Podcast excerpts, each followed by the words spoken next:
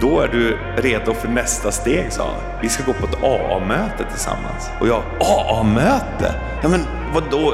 Eh, ja, jag, jag har väl inga problem med alkohol eller...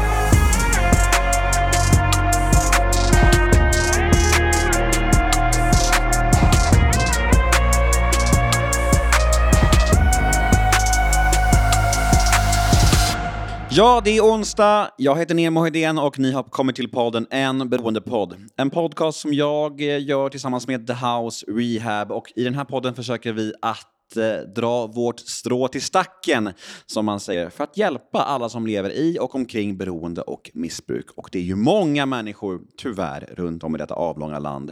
Det finns mycket fördomar, det finns mycket missförstånd och det finns mycket jobb att göra, om man säger så.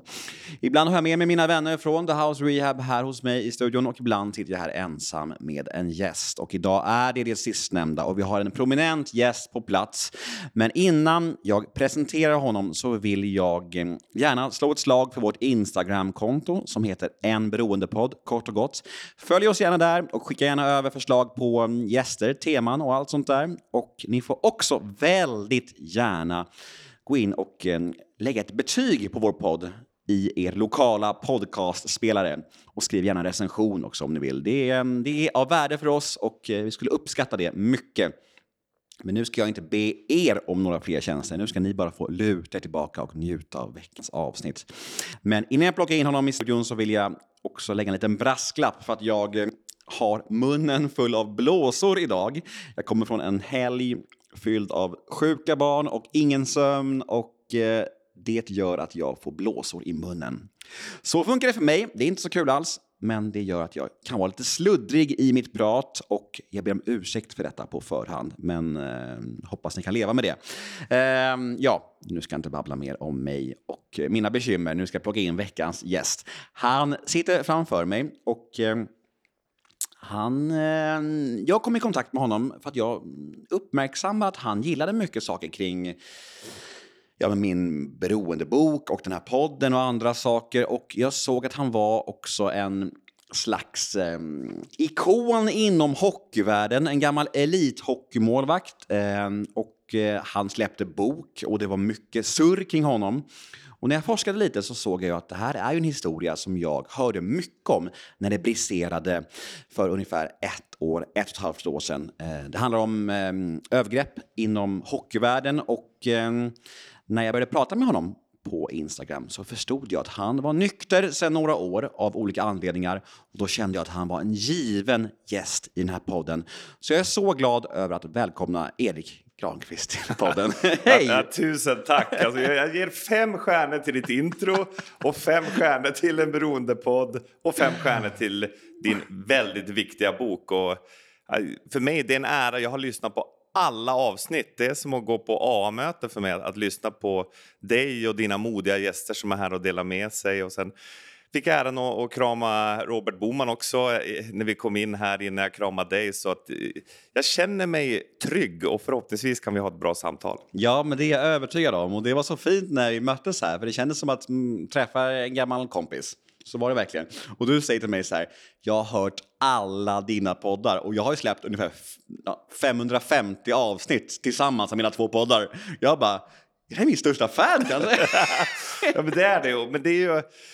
Jag, menar, jag har själv varit fast i beroende och missbruk och eh, motsatsen till det för mig är ju kontakt, alltså community eh, eh connection och att, att lyssna jag fick upp ögonen för dig tidigt när du började släppa podcast och har ju intervjuat väldigt intressanta gäster både i den här podden och i Nemo möter en vän. Så jag har har ju ett speciellt jobb också, att jag får jobba med min hobby då, leker hockeyexpert på, på Viaplay med Niklas Ide och, och gänget där. Och det är ganska mycket frihet under ansvar, läser på inför sändningar. Det kanske tar en 20-30 timmar att läsa på inför en hockeysändning som tar tre timmar live. Men då har jag ganska mycket tid under promenader och lyssna på din podd och, och reflektera över livet. Så det är därför jag har haft tid att lyssna på alla dina släpp du har gjort. Ja, och jag tänker att det är ju alltid väldigt intressant att ge lyssnarna lite mm, kontext kring dig och vem du är och, och sådär. Eh, vi ska ju prata och fokusera på din historia kring beroende och missbruk och alkohol och så. Men vi bör nog också lyfta vem du är, för att du släppte ju också en bok nyligen och eh, precis som jag sa i introt att det finns ju en ganska intressant historia kring allt detta. Vem är du och hur har senaste året sett ut? Ja, vem är jag? Det är en existentiell fråga som jag verkligen har gått på djupet med. Men, men jag och Johan Esk valde att skriva boken Inkilad om dolda övergrepp i idrottens skugga. Och, och varför gjorde vi det? Det var faktiskt att en kille som heter Kyle Beach, en ung kille som kom upp i, i Chicago Blackhawks 2010, försökte slå sig in där i laget som jagade Stanley Cup. Han blev utsatt för våldtäkt av videocoachen eh, Brad Olich i, i den klubben och eh, hamnar i den här beroendeställningen, alltså vidrigt form av maktmissbruk. Eh, Patrik Sjöberg har ju berättat om liknande historier där man utsätts av tränare och, och den där videocoachen sa så här, om du säger det här till någon kommer jag förstöra din karriär. Jag kommer krossa din dröm. Så först vågade han ju inte säga någonting Kyle Beach, men till slut tog han mod till sig och berättade till lagkamrater och några andra ledare. I, i, så det gick ända upp till Chicagos topp där, men de valde att tysta ner det och jaga Stanley Cup-bucklan. De vann Stanley Cup-bucklan. Den här videocoachen som utsatt, eh, gjort våldtäkten fick inte vara kvar, men fick ett rekommendationsbrev. Så han drog vidare och jobbade på lägre nivåer. Två år senare så utsatte han en 16-åring för en, ännu en våldtäkt. Då. Eh, och den 16-åringen polisanmälde och tack och lov så åkte den där eh, förövaren fast och blev eh, in i fängelse med honom. Men Kyle Beach blev ju bedrövad då, så han insåg ju Dels hans eget liv hade ju drivits rakt in i missbruk och självmedicinering efter, efter den våldtäkten. Eh, för att han hade inga inre resurser att hantera det och, och, och hamnade i väldigt trubbel med psykisk ohälsa. Men när han såg att andra hade drabbats av samma förövare, då såg han kopplingen att, och, och kände skuld att han inte hade kunnat eh, bryta det här mönstret hos förövaren. Och när det här kom fram eh, när Kyle Beach valde att berätta det här för drygt ett år sedan, det var i slutet av oktober 2021, när jag lyssnade på den intervjun så bröt jag ihop totalt. För då berättade han och, och råa känslor utifrån det här övergreppet och allt det har gjort med honom. Och jag kände det här fick väldigt djup resonans. Varför blir jag så här berörd av den här historien? Eh, och, då ringde jag till Erik Grönberg som har skrivit boken Inte ensam, aldrig glömd. Också blivit utsatt för sexuella övergrepp och skrivit om det tillsammans med Kajsa Kalmeus. En bok jag kan rekommendera. Och han sa då till mig så här. Den sårbarhet det ger när du har en dröm, oavsett var det är i livet, om du kommer med den drömmen och hamnar i klorna på förövare, maktmissbrukare, nu är risken att, att den, den beroendeställningen gör att du blir ett offer. För tystnadskulturer skyddar ju förövarna men sviker offren. Och när jag såg den kopplingen, då tog vi avstånd från det via Playstudion när vi pratade om det på lördagen, Niklas Ide, Södergren och jag. Och jag fick en panikångestattack nästan. Jag, kunde, jag kände att slipsen satt som en snara runt halsen. Jag, jag, jag kunde knappt få luft, men jag fick in ett andetag. Och sen när jag började prata, då var det 11 minuter satt vi och bara diskuterade om det här att måste få stopp, den här typen av saker tystas ner. Det är grovt kriminella handlingar. Eh, och när jag såg den kopplingen, kvällen efter, eller samma kväll när jag kom hem från den sändningen, då hade jag fått så mycket på sociala medier, Morgan Alling och, och väldigt många andra, Petter Balling, eh, kommentatorn på Discovery, de, de sa Oh, vad viktigt, vad, vad, bra att du sa det här. Petter sa att det här var de viktigaste 30 sekunderna i sitt slag i svensk sportstudio någonsin. Och då tänkte jag, oj, det här fick berörde människor. Ligger jag där, jag har dragit för gardinerna till Globen. Jag har alltid känt ett obehag när jag har sett Globen. Omedvetet, jag har inte riktigt vetat varför.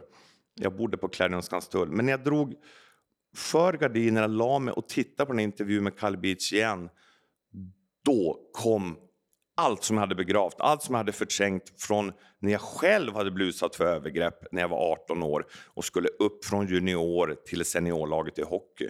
När jag slog på videon och hörde Carl Beach igen prata, då, det var som att källardörren till mitt inre, allt som jag hade förträngt Eh, och bara bitit ihop och gått vidare från när det hände när jag var 18 år där inkilningsövergreppet kom det och då, då låg jag bara och skakade, grät, skrek alltså i, i timmar på natten och somnade till slut helt utmattad.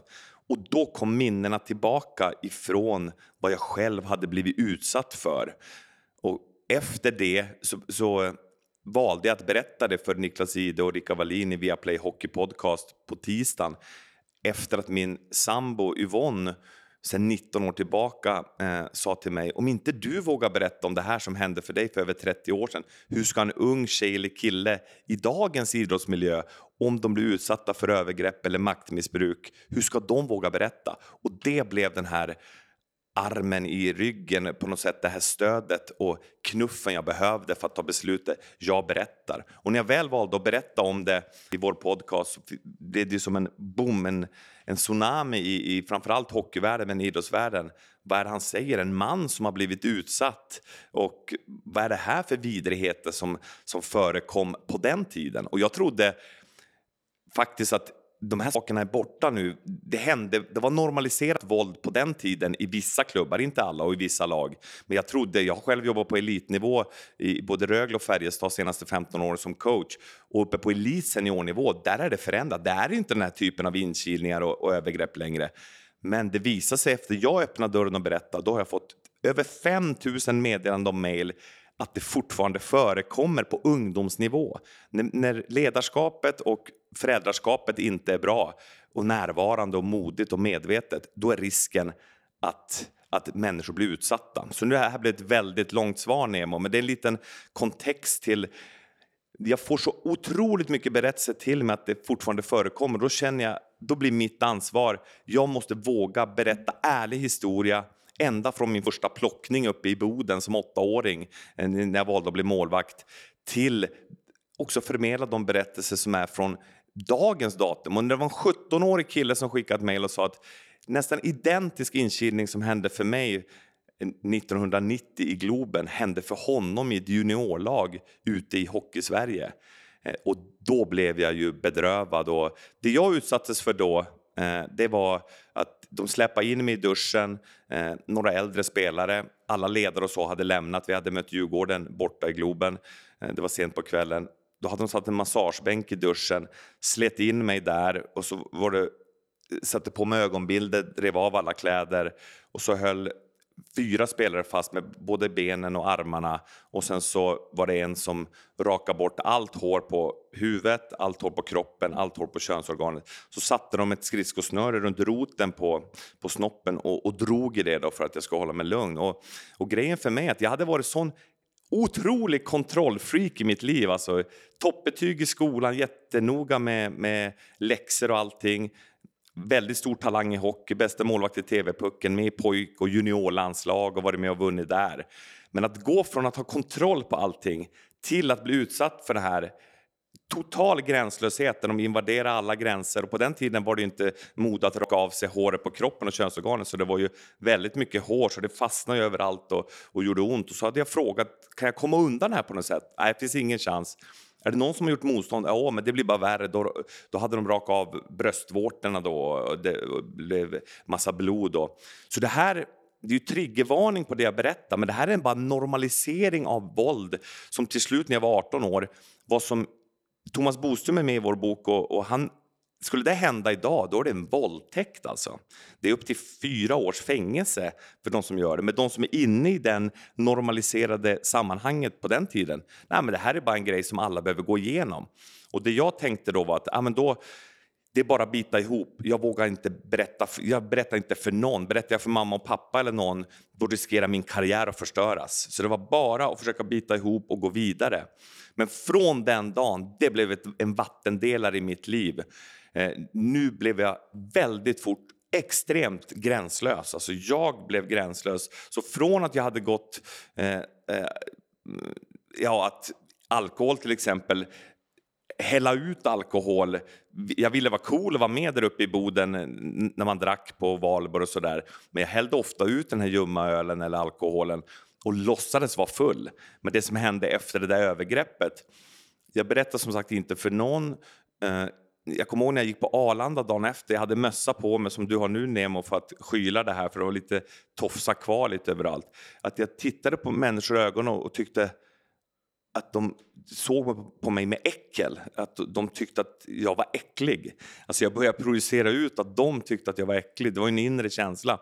Och när, på kvällen när jag kom tillbaka till hotellrummet och, och såg mig själv i ögonen, då var det helt dött i ögonen. Så jag hade blivit medlem i A-laget, men jag hade förlorat en del av mig själv.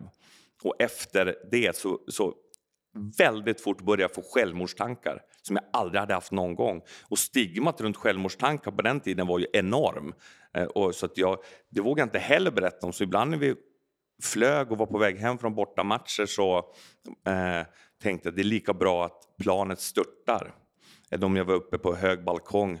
Du kan hoppa, du kan hoppa. Så, så den inre rösten kom, vilket ju var extremt obehagligt. Så eh, jag, jag fick väldigt fort efter det där svårt att sova, enormt mycket mardrömmar, kunde vakna fem gånger per natt, helt kallsvettig och nästan panikångest. Och då upptäckte jag hur ska jag hantera det här? Mental coach och så fanns inte på den tiden. Jag kände tyvärr ingen jag kunde prata med, jag måste hantera det själv. Och då började jag ta till alkohol. Så alkohol blev nu något, oj, ångesten försvinner. Ångesten försvinner. Så efter varenda bortamatch, varenda eh, stund jag var själv så började jag dricka lite alkohol och kände fan, jag har ingen ångest längre. Jag, jag, jag, får lite frid ifrån det här obehaget jag känner. Och sen börjar en lång, lång spiral av psykisk ohälsa, alltså en negativ spiral medan jag samtidigt försökte hålla upp en perfekt fasad, alltså en yta av eh, på dagarna, vet, träna stenhårt, vara noggrann, försökte ha perfekt yttre på alla sätt medan jag inombords mådde sämre och sämre. Så det blev ett dubbelliv som eskalerade över flera års tid. Men visst var du på alltså det var elitnivå, eller hur pass bra var du? Nej, men, nej, men jag var alltså, på den absoluta elitnivån. Alltså, eh, som jag sa, bästa målvakt i TV-pucken, spelade juniorlandslag med sådana som Mikael Renberg och eh, eh alltså sådana som sedermera blev NHL-stjärnor. Eh, Micke Nylander var med där också. Jag skulle kunna räkna upp många i, i det laget. Men alltså absolut i toppen av min, min egen åldersgrupp. Och sen så kom jag upp i Luleås A-lag när jag var 17 år. För den andra målvakten, Thomas Javeblad, eh, som på ålderns höst har blivit diagnostiserad med ADHD, eh, precis som du. Och, och han har pratat om det officiellt också på SVT så att jag kan berätta det. Men, men han, han såg svart under en match, kände sig förfördelad av domaren och tog nacksving på Billy Fredriksson, en domare. Blev avstängd ett halvår. Och då fick ju jag min chans. För jag var den som låg först i, i pipen bland juniorerna där i Luleå. Och då kom jag upp och blev andremålvakt. och jag var så nära min dröm, så det som hände på isen, det var ju en dröm. Spelarna sköt ju hårt och det var ju tuffare och hårdare, men, men där kände jag mig hemma. Det var ju liksom min miljö där jag bara fokuserade på att vara i vägen och rädda nästa puck. Men det var det som hände utanför. Jag var inte i närheten av att vara redo av, av de hundra nyanserna av, av våld och, och den eh, otäcka stämningen som var just det första året jag kom upp. Och, och, och, där skulle jag kunna berätta, och vi skriver om i boken Inkilad, olika episoder där det blir nästan chockartat så att jag egentligen dygnet runt började leva med en, med en ångest. Alltså hela nervsystemet var på kamp eller flykt oavbrutet. Och, det vet vi ju alla vad som händer då. Att till slut så, så bränner du ut systemet och då börjar jag ta till droger. Framförallt alkohol och flyktiga relationer blev mitt sätt att försöka hantera det där. Mm, fight or flight. Ja. Men, men tror du att det bidrog till att du inte um, nådde hela vägen till den absoluta toppen? Det här, alltså det här övergreppet och allt kring det, att det var liksom spelade in där?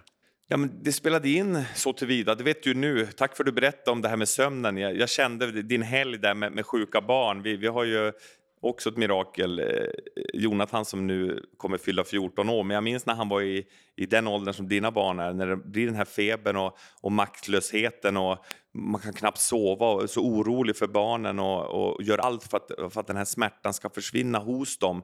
Eh, det var ju lite som, det som hände för mig personligen var att jag började uppleva en inre psykisk smärta och ångest som jag aldrig hade känt. Och, och att inte kunna sova ordentligt och, och hela tiden gå med extremt obehag i kroppen. Det är ju inte bra när du ska prestera. Det finns ju någonting som, när jag själv har jobbat som coach försöker jag få mina målvakter eller adepter att känna sig så trygga som möjligt som människor och sen gå ut och, och prestera på, på isen och göra sitt bästa för laget. Men i mitt fall så blev det ju sånt enormt eh, obehag vid sidan om så det är klart att satelliten hade fått en helt annan omloppsbana om jag inte hade utsatt för, för det övergreppet. Och det vill jag ju säga till alla som lyssnar att jag önskar ju att din podcast hade funnits på den tiden så att jag hade kunnat lyssna på den här podden eh, eller, eller The House till exempel så att jag hade kunnat få hjälp och förstå att det finns hjälp. Så, men tyvärr så såg jag ingen möjlighet att be om professionell hjälp eller prata med någon om det utan försökte hantera det själv och det blev ju ja, det är nästan med, med livet som insats. Alltså oerhört gränslöst beteende där eh, hitta mig själv på väldigt farliga platser. Ofta drack så mycket så nästan in i medvetslöshet. Eh, eh, vaknade ibland i, i, i, mina egna spyor och hade ju kunnat, kunnat dött av det. Eller framförallt på bortaplan var det ofta eh, hade vi vunnit, ja då, då kunde man få med sig någon, någon polare ut så där på, eh, någon kille på bortamatch, var vi än var i Karlstad, eller Gävle eller Göteborg. Eller, eftersom vi spelade i Luleå var det långt till bortamatcherna. Men hade vi förlorat och, och tränarna var arga och sa nu, nu alla stannar inne, då smög jag ut bakvägen. För jag, jag vägrar gå och lägga mig och blunda och känna den här ångesten. Så att jag smög ofta ut. Och som du säger, jag var ofta backupmålvakt så jag hade ju överskottsenergi. Eh, och nej, började gömma fickplunter också i väskor och, och så. så då grundade jag direkt då efter matchen med, med att dricka ja, med ren alkohol från fickpluntan. Smög ut från hotellet då, eh, och såg till att jag inte blev upptäckt. Hade jag blivit upptäckt skulle jag sagt att nej, jag ska vara ute och, och, köpa en macka på macken. Alltså hade en sån här reservplan som vi missbrukare ofta har ju för att hantera situationer. Men, men sen ut i natten och från att jag kom ut, då var det ju spänning. Så i början var det ju som otrolig frihetskänsla. Att, som att surfa på en våg och komma ut och oh, jag, jag, känner ingen ångest, jag känner ett självförtroende. Jag hade inte haft en, en flickvän under hela tonårstiden. Jag hade inte haft några sexuella relationer under hela tonårstiden utan bara fokusera på skolan och hockeyn. Men efter det övergreppet och, och det som började hända i mig, nu började jag självmedicinera med alkohol och fick ju ett, ett så här, ja, men, artificiellt självförtroende och börja våga prata med tjejer och börja våga. Så jag var ju, antingen var jag ute själv eller så fick jag med någon lagkompis och var ute till ställena stängde och i stort sett alltid hooka upp med någon, någon tjej och åkte hem till henne eller till, ofta hem till henne då eller tillbaka till hotellet. Och sen hade sex där och och det kändes som att det här är ju livet. Jag mår, jag må så otroligt bra under de här två till sex timmarna vad det var under den natten. Men sen tillbaka, fick aldrig somna borta. Det var en sån regel jag lärde mig av en del äldre spel. Du får aldrig somna borta, då är risken att du, att du inte tar dig tillbaka. Så tillbaka till hotellet, splasha kallt vatten i ansiktet, duscha eh, och fräscha till sig om man hann det. Och sen ner och så hålla färgen, inte visa någon. I med tuggummi, ta en snabb frukost, tillbaka, somna i planet och sen hem. Och många, många perioder var jag ju singel. Jag hade väldigt svårt för nära relationer, otroligt svårt för närhet. Eh, men, men även när jag hade flickvänner så tyvärr otrogen eh, och då blev det leva med den då, skulden och skammen över det. Så det, det var en ond spiral som bara blev värre och värre. Självmedicinering, lite eh, relativt falsk frihet eh, skulle jag kalla det, men sen tillbaka till det vanliga livet. Bita ihop på träningarna, inte visa något för någon och sen hålla färgen hemma. Så det här dubbellivet blir ju enormt jobbigt. Och du vet ju alla som olika nyanser av det här, hur jobbigt det blir att försöka hålla alla bollar i luften och vad, jag, vad, är, vad har jag ljugit och vad är sant? Så, mm. Men kunde du koppla det här dåliga måendet till övergreppet redan då? Eller förstod du inte varför du började må så jävla dåligt? Ingenting. Och, och det här är ju jätteviktigt för alla som blir utsatta för, för övergrepp eller sexuella övergrepp är att eftersom min strategi som jag hade lärt mig, bit ihop och se framåt det funkar ju jättebra på isen. Där måste man ju vara tuff och hård och bita ihop och se framåt. Eh, oavsett vilken fysisk smärta eller vad man utsätts för där med trash talk och det. Men utanför när rustningen är av, då är den eh, strategin en katastrof. Och, och, och så det här bita ihop och säga ingenting till någon, den strategin var ett sätt för mig att försöka överleva, men det gick inte alls för mig. Men jag tittade mig runt, men ingen annan pratar om att, att de har mått dåligt av det här. Ingen annan man i min närhet säger ju någonting om det här, så varför ska jag göra det? Och, och det är det som... Det var, det. det var som att jag satte ner det längst ner i källan, stängde dörren, satte trippla lås och svalde nycklarna. Det här ska jag ta med mig i graven. Jag ska inte berätta för någon om självmordstankar som jag börjar få nu. Jag ska inte berätta för någon att jag inte kan sova på nätterna. Och det jag gjorde som var, förutom alkoholen och, och eh, de här flyttrelationerna som blev flykt, det var att jag hade några riktigt schyssta lagkompisar. Jag hade eh, några killar som var väldigt schyssta. Robert Nordberg, som jag också sen åkte till Indien med faktiskt när jag började verkligen söka mig själv. Thomas Bulan Berglund hette en och Petter Nilsson. De var så här väldigt härliga, schyssta lagkompisar. Så, så ofta jag kunde, framförallt när jag var singel, så var jag hemma hos dem på kvällarna. Så då kunde jag eh, höra dem laga mat i köket och jag låg på soffan där tvn var på. Då kände jag ingen ångest. Då behövde jag knappt snusa. Nikotin var också en flyktväg. Jag kunde ju snusa dygnet runt på den tiden. Men just när jag kände den här mänskliga kontakten, lite som jag gör när jag lyssnar på din podcast och dina härliga gäster du har. Åh, vad skönt, jag känner att jag inte är ensam. Och, så att de här kvällarna jag, jag var hemma hos dem och jag ville ofta inte lämna. Jag kommer ihåg ibland sov jag kvar på deras soffor och när jag fick sova där då behövde jag inte dricka alkohol, jag behövde eh, inte fly utan då kände jag jag är inte ensam. Vi pratar ju ingenting om de här jobbiga sakerna. Eller, det var ingenting. Det, vi skulle vara tuffa och det är bara något man tar det där. Det är inget man pratar om. Så som svar på din fråga. Jag kopplade ingenting ihop utan det var bara vad konstigt det är. Jag kan inte... Vi läste, jag läste på högskolan också ekonomi och marknadsföring på den tiden. Eh, och från att tidigare haft lätt MVG på alla tentor. Nu kunde jag inte läsa två sidor i rad. Jag fick så otroligt svårt att koncentrera mig. Så jag läste en sida och så läste jag en till och nu kommer jag inte ihåg vad jag hade läst på förra sidan. Så nu blev det en kamp att försöka överhuvudtaget fixa skolan också. Så jag fick kämpa mig till godkänt på tentorna. Så jag fick så otroligt många det hade varit lätt om jag hade, om jag hade träffat någon som var expert på trauma då och vågat be om hjälp. Då hade de ju sagt okej, okay, har, har det hänt dig någonting? Har, det här lässvårigheten och det här att du har självmordstankar, när kom det? Alltså börja spåra, vad, vad är det som har hänt dig? Men, men som sagt, inte visa någon, håll upp en perfekt yta, men inombords är det kaos. Och, och jag försökte fly från kaos, men jag är tacksam också, måste jag säga, mot de här killarna som jag nämnde som, som var så otroligt varma, schyssta personer när rustningen var av. När, när vi tävlade på isen var de ju stenhårda och modiga och tuffa. Ja, men som Börje Salming och Gabriel Landeskog. Och det finns många exempel på förebilder, men när rustningen var av så var de väldigt varma och omtänksamma medmänniskor. Men jag vågar tyvärr inte berätta för dem hur dåligt jag mådde egentligen.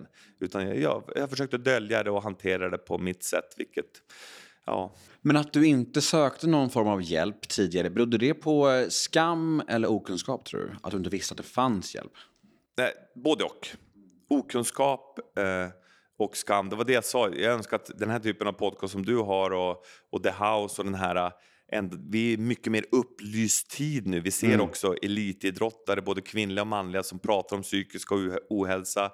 De, de berättar öppet att de är inne på rehab eller de tar en time-out på grund av att de behöver ta hand om sig själva. Så var det ju inte alls på den tiden, utan det, det var det som sagt bara att bita ihop och köra vidare. Och, och sen är det den här enorma skammen. För ja, jag, blev, jag och många andra blev utsatta för vad Thomas Bodström säger är ett grovt sexuellt övergrepp eller en våldtäkt.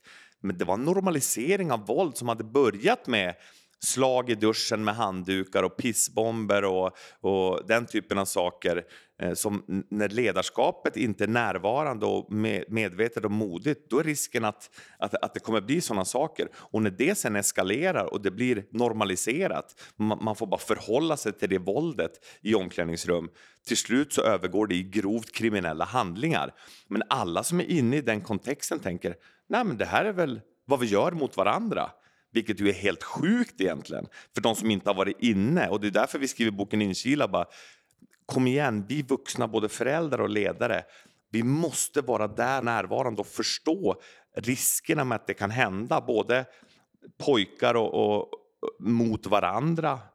Eh, det är framförallt pojkar som gör såna här saker mot varandra. Flickor, det kan ju vara mer subtil mobbning och andra saker, men den här typen av, av våld med handdukar och, och sådana saker, inkilningsövergrepp, är ju inte lika vanliga där, eh, har jag lärt mig under det senaste året. Men, men det otroligt viktiga är att vi måste prata, våga prata om sådana här saker så att vi kan vara där när det händer. För det är ju en färskvara.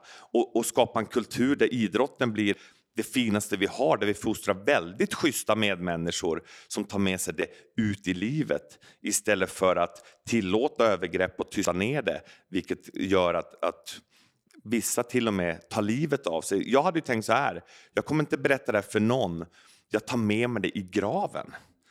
Är du med? Och det är det som är faran. Vanligaste dödsorsaken bland killar mellan 18 och 24 år är självmord. Det är därför jag älskar din podd, jag älskar de som vågar berätta utifrån sårbarhet. Att de som är där ute och lider i ensamhet, isolerade, det finns hjälp att få. Prata med någon, skolkuratorn eller BRIS eller sträck ut en hand till någon, Suicide Zero, Mind.se, som, som kan hjälpa och bli det här ljuset i mörkret och en, en hand som kan ja, hjälpa en ut från det här kolsvarta. Men det här som växer fram då, det här dubbellivet du pratar om, du beskriver det i boken som någon slags mörker... Vad, vad du kallar det? Du, de här perioderna där du börjar dricka så mycket. Och... Ja, olika begrepp. Jag berättade för Johan Esk så, och han, han är ju så skicklig skribent så han, han eh, valde lite olika sätt att berätta men, men för mig blir det ju en, en en negativ spiral rakt ner i mörkret inombords medan jag på ytan kämpar mer och mer och mer för att hålla en perfekt, tuff, eh, polerad yta. Går det att göra det? Alltså när man är elitidrottsman, att, att eh, dricka så mycket när man inte liksom, eh, tränar? Eller hur, hur funkar det? Hur klockar det? Det, det går och det, det är både kvinnor och män som har vittnat om det. att Du börjar ju med att jag har svårt att... Till exempel, jag har sån ångest när jag ska sova. Hur ska jag kunna sova? Vissa börjar missbruka sömntabletter, vissa andra alkohol.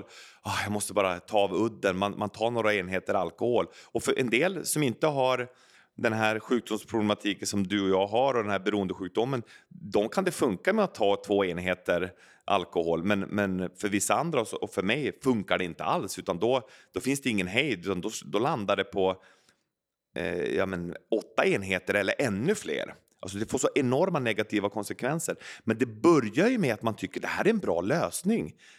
Nu mår jag ju lite bättre initialt, men sen så tyvärr så alla de här artificiella sätten med ja, vi, vi, kan ju ta, det är inte bara alkohol och droger som, som är sätt att självmedicinera. Spelberoende är också väldigt vanligt bland idrottspersoner. Och jag vet, eh, Karolinska institutet gjorde en undersökning i SHL, Svenska Hockeyligan, och där är det fyra spelare i snitt i varje lag som har eh, spelberoendeproblematik. Och det är ju enormt mycket och mörkertalet är ju som vi vet extremt högt eftersom det är så skam och skuld runt det här. Att, att våga berätta, ja, jag har, jag har problem med det här, jag hanterar det inte längre.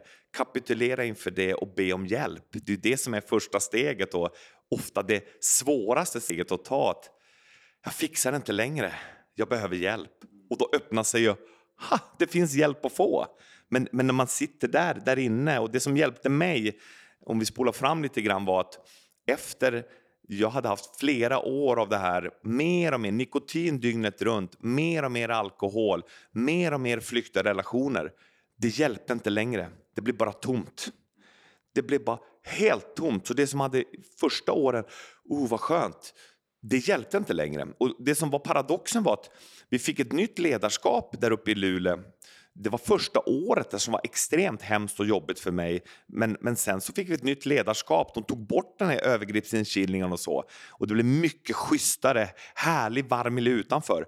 Men det som hände i mig var fortfarande kvar. Så mina överlevnadsstrategier var fortfarande så cementerade i mig.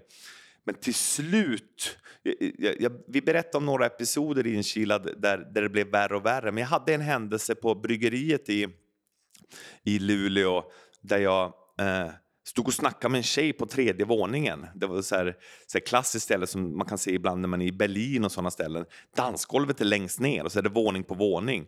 Eh, och, och där var jag ofta då, eh, direkt det, det blev läge. Och så var jag där uppe och snackade med en tjej där uppe på en av de övre våningarna och helt plötsligt från ingenstans kommer en kille och bara tar stryptag på mig och trycker mig över räcket. Du ska ge fan i min tjej. Jag bara Hej, ta det lugnt. Jag, vet, jag, vet inte, jag visste inte att, att hon hade kille. Jag hade ingen aning om det. Jag, jag snackade ju bara med första bästa tjej som dök upp. Eh, nästan som en autopilot. Men när jag, när jag vänder mig bakåt och tittar ner och ser, ser dansgolvet där nere trycker han mig längre och jag faller ner. Jag kommer dö här. Alltså det var otrolig rädsla i den. Och då kommer några lagkompisar och sliter bort honom och fan ta det lugnt. Och när jag kommer tillbaka där från det nästan sån här, fan, jag, det här var farligt, nu är jag så farligt ute. När jag, kommer, jag går hem själv den kvällen minns jag. Och när jag tittar mig själv i spegeln igen, då var det lite som jag såg mig själv efter det där övergreppet i, i, i Globen samma kväll. Det var helt dött i ögonen. Och då tittade jag, vad fan är det som händer? Vem är du? Va, va, du har tappat kontrollen på ditt liv jag behöver hjälp. Och då hade jag haft en episod några veckor innan där jag hade träffat en amerikansk tjej på etage i Malmö och vi hade gått hem till hotellrummet och haft sex, oskyddad sex också, vilket jag inte hade så ofta, men det var också en sån gräns som hade passerats. Och när hon lämnade hotellrummet där på morgonen sa hon By the way, I got HIV, sa hon. Och på, I början på 90-talet, hiv och aids, det var, det, okunskapen runt det var så stor så det var nästan som en, en dödsdom då också. Att, ah, så de dagarnas väntan, då fick jag gå och ta ett, ett hiv-test. De dagarna i väntan på svaret var ju också enorm ångest och dödsrädsla. Så nu hade jag på kort tid den här gränslösheten som, som, som jag hade börjat leva efter hade börjat få sådana konsekvenser och då kom jag till det avgörande ögonblicket när allt hade ackumulerats egentligen. Jag behöver hjälp. Men vart ska jag vända mig? Och det var det som var min fråga och då kom jag tänka, men min morbror Ola, han är ju nykter alkoholist. Han hade varit restaurangchef och levt i restaurangbranschen eh, och min mamma hade massor av bröder som, som jag gillade att vara runt för de var väldigt så här, energiska och det hände grejer och jag var ute och fiskade med dem och jag tyckte det var kul att vara runt dem. Det var som att ha storebröder. Jag är själv storebrorsa. Jag har en, en, en eh, brorsa som är ett år yngre som är professor i psykologi nu, Pelle. Och en, en syra som är sex år yngre, Anna, som, som är skådespelerska, jobbar på teatern i, i Falun. Så jag kände att jag hade storebröder när jag var med, med mammas bröder då, minns jag när jag var ung. Men Ola, han är ju nykter, han kanske kan hjälpa mig. Så jag ringde till Ola då och sa ja, Hej Erik, eh, jag har en grej jag behöver prata med dig om. Och han, ja, jag har väntat på att du ska ringa. jag får rysningar när jag säger det. Bara. Jag väntar på att du ska ringa. Och då, jaha, har du det? Ja, eh, vad är det du vill prata om? Och då sa, eh, då sa att jag vet inte vad som händer, jag har tappat kontrollen på mitt liv och, och så. Och då, då, då, då sa han, ja, tack för att du berättar. och vill att vi ska träffas och prata. Ja, gärna. Så då bokade vi tid i en föreningslokal där i Boden. Det var nere i en källare. Så när, när, vi gick ner där och kom in, det var lite som att komma in här på The House. Det var som att komma hem på något sätt. så, så, när vi kom in där och, och Ola tog emot, han hade tänt ljus och sen satte oss ner där. Eh, och så hade jag en kompis, då, Robert Norberg, som jag berättade om i boken också, som, som följde med och lite som, som stöd till mig. Och då, då hade jag en snusdosa i fickan så då, Ola började med att säga att den där snusdosan eh, du har i fickan, får jag låna den?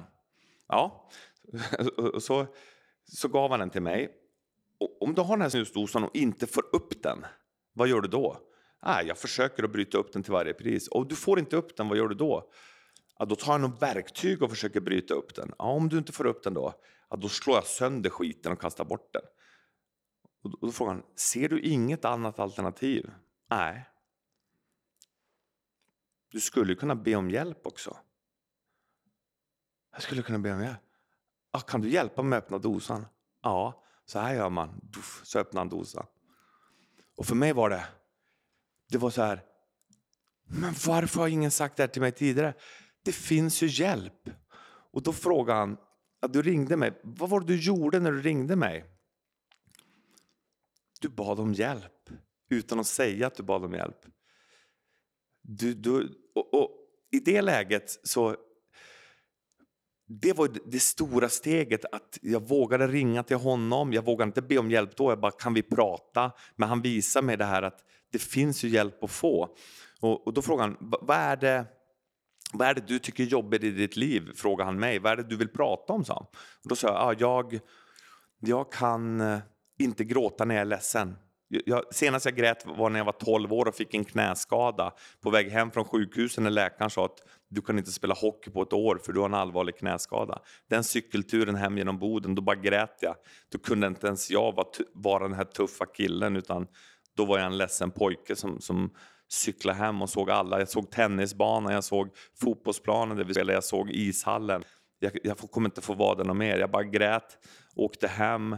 Mamma var ju damfrisör och så, i damfriseringen. Så jag kom hem inom dörren och hon frågade vad har hänt när läkaren sa att jag kanske inte kan spela hockey på ett år eller mer. Jag gick bara upp och la mig i fosterställning och grät i sängen.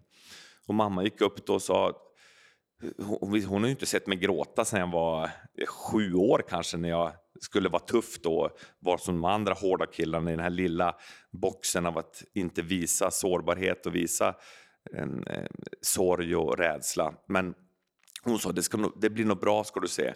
Men, men, grejen var att från den dagen, då grät jag då, men efter det hade jag inte gråtit någon gång. Så väldigt många gånger hade jag legat ensam hemma i lägenheten i Luleå eller ibland i pojkrummet där i Boden med Pelle Lindberg och mina idoler på väggen och varit ledsen över något men kunde inte gråta. Alltså det här skammen runt att visa sårbarhet, jag kunde inte ens göra det med mig själv. Så då sa jag till Ola, äh, jag, jag kan inte gråta hur ledsen jag än är. Okej, okay. så, så, så vill han att berätta om någon händelse du minns från din barndom när du, när du var ledsen, eller blev ledsen men du inte kunde gråta. Och då, då kommer jag ihåg sista gången jag, eh, så att säga, den gången när jag slutade gråta, då var jag eh, åtta år och vi var på tivoli i Köpenhamn, jag och brorsan. Anna var ju precis nyfödd och så var mamma och pappa och vi fick såna heliumballonger. Som, som, och, och då sa pappa att ja, ni får dem, men var försiktiga, ni måste hålla i dem ordentligt annars åker de rätt upp i himlen.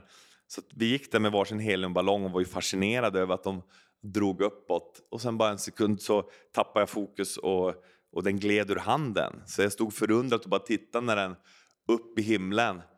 Wow, vad den, vad den flyger fort och vackert. Och då skriker farsan bara, vad fan gör du? Och bara skäller ut, men jag sa ju att du skulle hålla.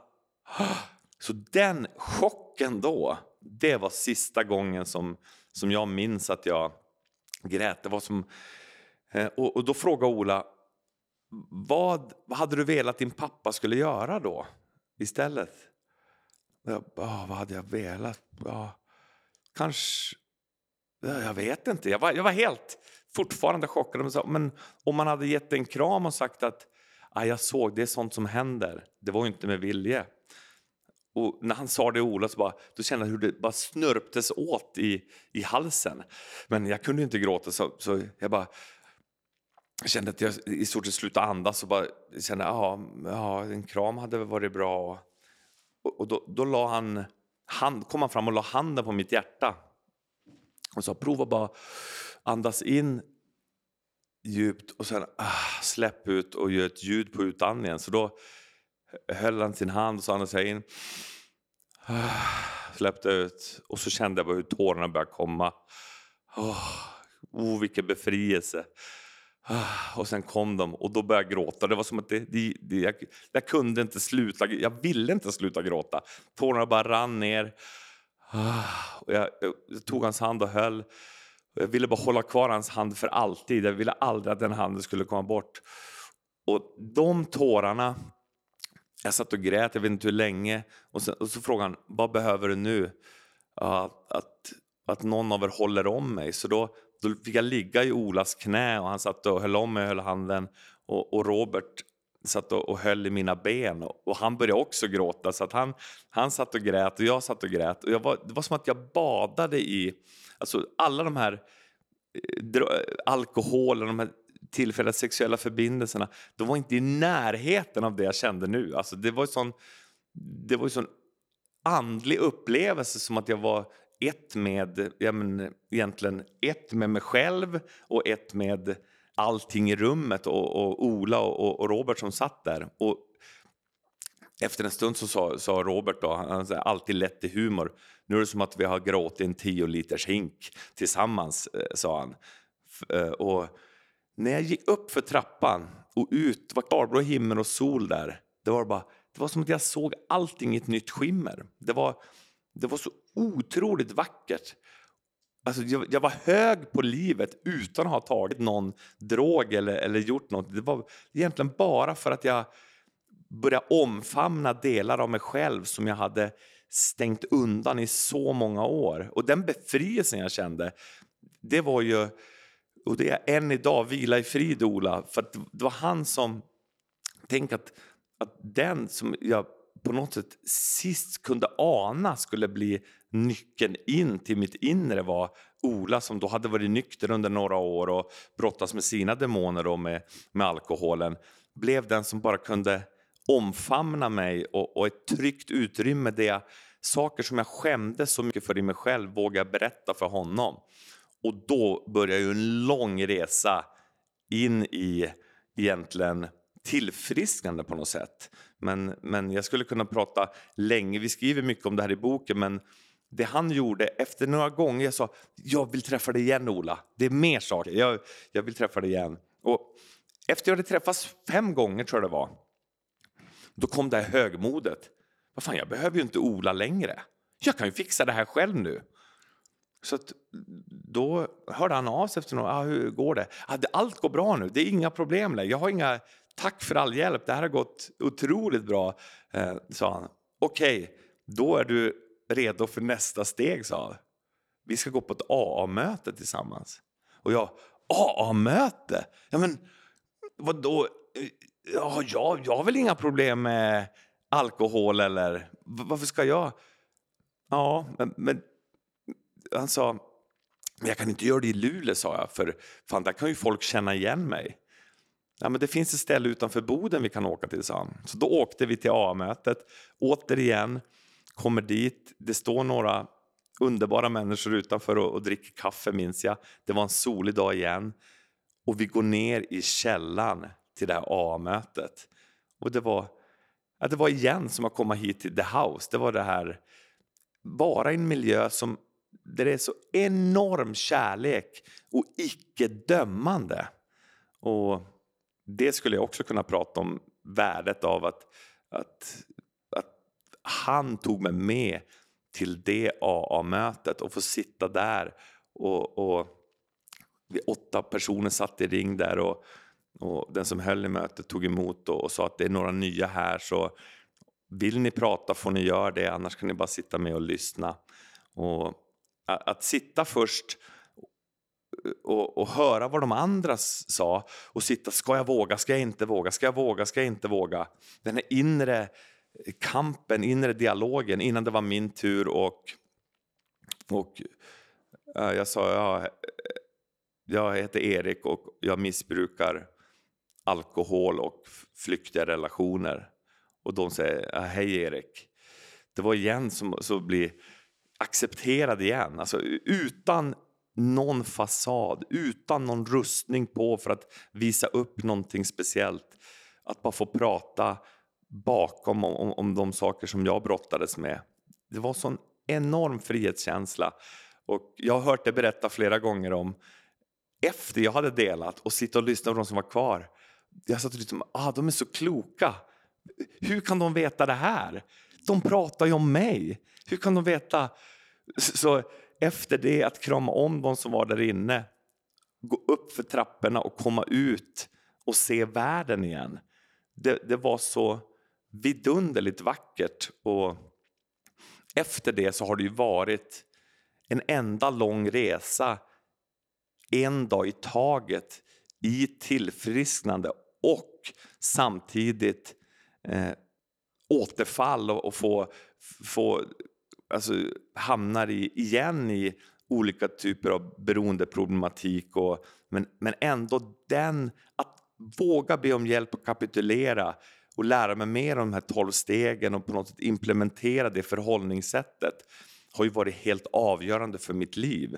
Och det blir sånt enormt steg från att försöka skydda sig och dölja smärtan istället hitta en trygg miljö. Jag kan berätta och prata om smärtan och dela med mig av den. Och det var inget farligt. Och då börjar såren att läka sakta men säkert. Och än idag, det är därför jag blir så berörd av din podcast och vad människor berättar, så är den här resonansen. Jag känner igen mig. Vi är människor, vi brottas med saker. Det ser lite olika ut. Vissa har varit utsatta för jättegrova trauman. Vissa har haft trauma i form av att de inte har fått sina behov tillfredsställda av olika anledningar. Och, och, men vi, på något sätt sitter vi i samma båt och är vi är connectade med varandra. Och ju mer kontakt bakom den här tuffa rustningen, desto mer kärlek upplever jag. Jag tänkte på en grej, Erik, som jag ville fråga dig om. Att du berättade ju om eh, att en stor sten släppte från dig. Eh, dels när, du, eh, när minnena kom tillbaka om övergreppet, men också när du blev nykter. Två stora saker, två stora förändringar i ditt liv. Hur, de här åren emellan där, för det går ju ändå några år från du blir nykter eh, och börjar jobba med dig själv där tills du får insikten om, eh, eller minnen kommer tillbaka från, eh, från från det här traumatiska du var med om som ung. Hur är måendet där? Eh, det är väldigt varierande, men framför allt så är den här besattheten jag hade haft att, att försöka bli den bästa målvakt jag någonsin hade kunnat. Jag hade ju Pelle Lindberg, mannen med den vita masken, som idol från att jag var åtta år och bestämde mig att bli målvakt. Så den besattheten att, att som de flesta av oss har som tar sig upp på elit av elitnivå. Alltså att bara till exempel spela hockey i elitserien i SHL, det är mindre än en procent som tar sig upp av alla de tusentals som börjar. Och då krävs det en, en viss besatthet och, och, och den besattheten. Jag hade, den är ju inte farlig i sig, men kombinationen att bli utsatt för övergrepp och inte ha inre resurser att hantera eh, ångest och sådana saker gjorde ju att den besattheten började jag sen sätta på något annat än idrotten och, och då drevs in i missbruk och självmedicinering som jag tack och lov till slut tog ansvar för och bad om hjälp. Men eh, som svar på din fråga, det jag gjorde efter jag hade träffat Ola och, och lärt mig be om hjälp och börjat gå på AA-möten och, eh, och så var att jag in i terapin. Jag vill utforska mer av mig själv. Vem är jag egentligen? Och då började jag en resa in i terapi. Då, då gjorde jag otroligt mycket terapi. Jag åkte världen över. Det var kursgårdar här i Sverige där det var eh, Eh, massor med olika terapiformer. Alltså gå tillbaka till barndomen, relationen till mamma och pappa och eh, vilken, vilken roll hade jag i familjekonstellationen och vilka överlevnadsstrategier hade jag för att, för att klara mig i, i skolmiljön eller i familjemiljön? Eh, ofta var det för mig, då var det den duktiga killen, den duktiga högpresterande. Det var min väg. Men vissa andra delar, framförallt det här med, med sårbarhet och hantera rädslor och sorg och skam, det hade jag inga verktyg för och det vill jag ha mer av. Så hela den här nu gick jag all in på terapiresan. Så jag, jag slutade med hockey. Jag, jag var proffs nere i Feldkirch i Österrike. Det var ett vykort var, var man än tittade. Det var härliga svenska lagkompisar där också. Men nu kände jag att jag är klar med hockeymiljön. Jag vill gå djupare i mig själv. Jag hade vunnit en guldmedalj på utsidan med, med Luleå Hockey 96 när vi hade en otroligt fin gemenskap. Enda herrguldet uppe i Luleå. Alltså det är ju egentligen makalöst med 19 norrbottningar i laget. Och för, för, ja, ja, förlåt, förlåt, för hur gammal var du när du träffade Ola? Bara så jag vet ungefär. När, när var det i... Eh, det, det, var, då var jag 24 år. Mm, mm, mm. Okay. Så övergreppet skedde när jag var 18. Och ja, sen började den här mm. durr, durr, Och jag började läsa självhjälpsböcker. Wayne Dyer, Älskar dig själv. Ah, fan, ja, jag förstår vad han säger, men jag, jag känner det inte i kroppen. Mm, mm. Jag, jag läser en till, Leo Buscaglia, Leva, älska, lära. Vilken bok! Men jag känner inte i kroppen, längtan. Och då började jag göra mycket kroppspsykoterapi för att jag vill känna det i kroppen. Jag vill, den här njutningen och det jag har längtat och letat efter utanför mig själv, kontakt, extas och så vidare. Det vill jag bara hitta i mig själv. Så jag hamnar i Holland på ett ställe som heter Humaniversity. Så enormt eh, bra för mig då var det alltså väldigt väldigt djupgående terapi. Men eftersom jag var så besatt av det på något sätt så, så gick jag så mycket all in i det att jag till och med började jobba på en, på en kursgård där själva kurserna var väldigt bra. Men, men mellan kurserna då var jag kvar och jobbade och, på kontoret och så. så. Helt plötsligt var jag besatt av det och, och fick såna här arbetsveckor på 60-80 timmar månad ut och månad in. Också blev en form av maktmissbruk, beroendeställning till den som ägde den kursgården. Osund kultur utanför. Kurserna var jättebra. Och, och då såg jag igen en koppling det här.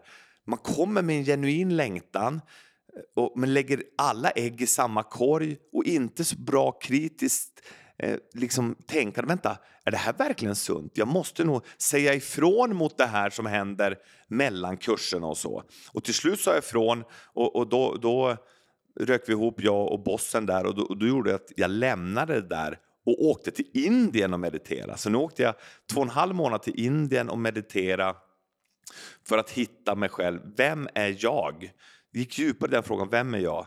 Alltså känslor och tankar kommer och går. Vem är det som består? Och för mig skapar det i alla fall ett, ett utrymme av att börja betrakta det här som kommer och går. Tidigare hade det varit så impulsdriven. Oh, det kommer en snygg brud. Henne vill jag ha. Boom! Haka på. Där, där blir det mer... Jag brukar ibland skämtsamt säga att i Indien, jag lär mig att det kommer en vacker kvinna. Se henne. Oh, vad vacker. Njut av den skönheten och passera. Hon passerar. Du behöver inte stöta bort och låtsas som att det inte passerar en vacker kvinna.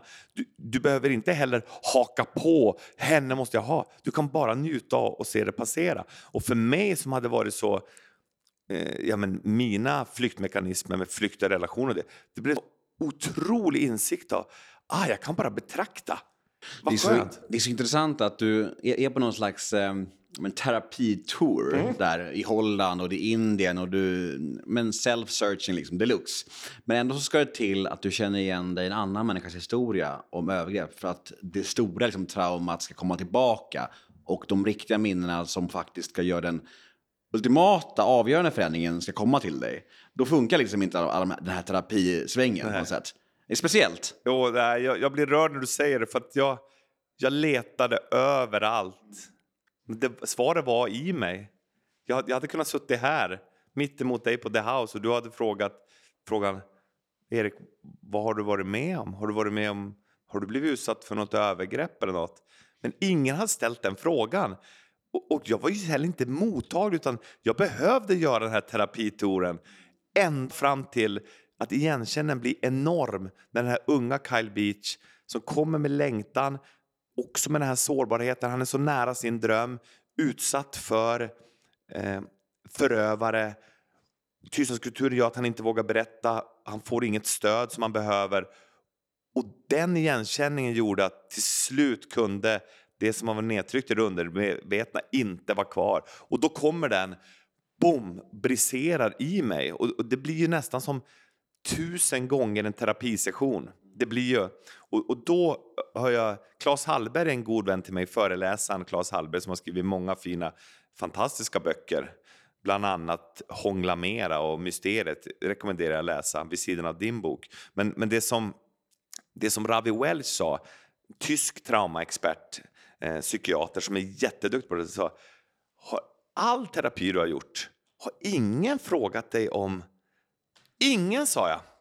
Det är också jag kan prata om, om pappa, han var underbar på det sättet, han var inte så emotionellt tillgänglig på det. Ja, då kan man ägna en vecka till att, att jobba med det. Ja, det är bra. Alltså, jobba med så mycket grejer när verkligen det mörker som jag behövde verkligen gå in och den källardörren som behövde öppnas, det skedde inte förrän den här killen Kyle Beach vågade berätta vad han hade blivit utsatt för och då kom jag i kontakt med mitt och då vågar jag till slut berätta det här utsattes jag för. Och förhoppningsvis, det enda egentligen den här boken är Inkilad.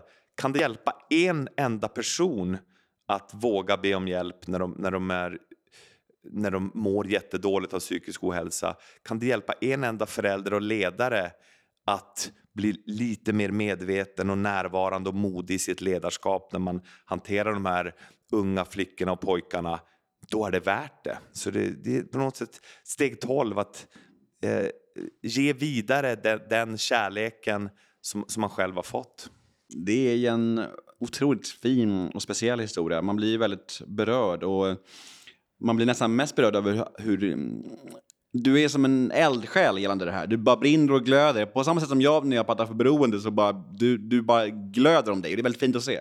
Vill säga det till dig så du vet det. Ja, tack så mycket. Men, men, det, som, det är det vill säga med, med idrottsmiljön. Du själv, du älskar padel och innebandy. Ja, ja. Och jag ska hälsa från båda bröderna Gide som... Eh, du spelar ju padel med Peter ibland, det är ja. en upplevelse i sig. Men just idrottsmiljön, det ska ju vara den här värmen och communityn mm. och, och kärleken. Och där ska ju där ska ju barn och ungdomar känna sig säkra och trygga.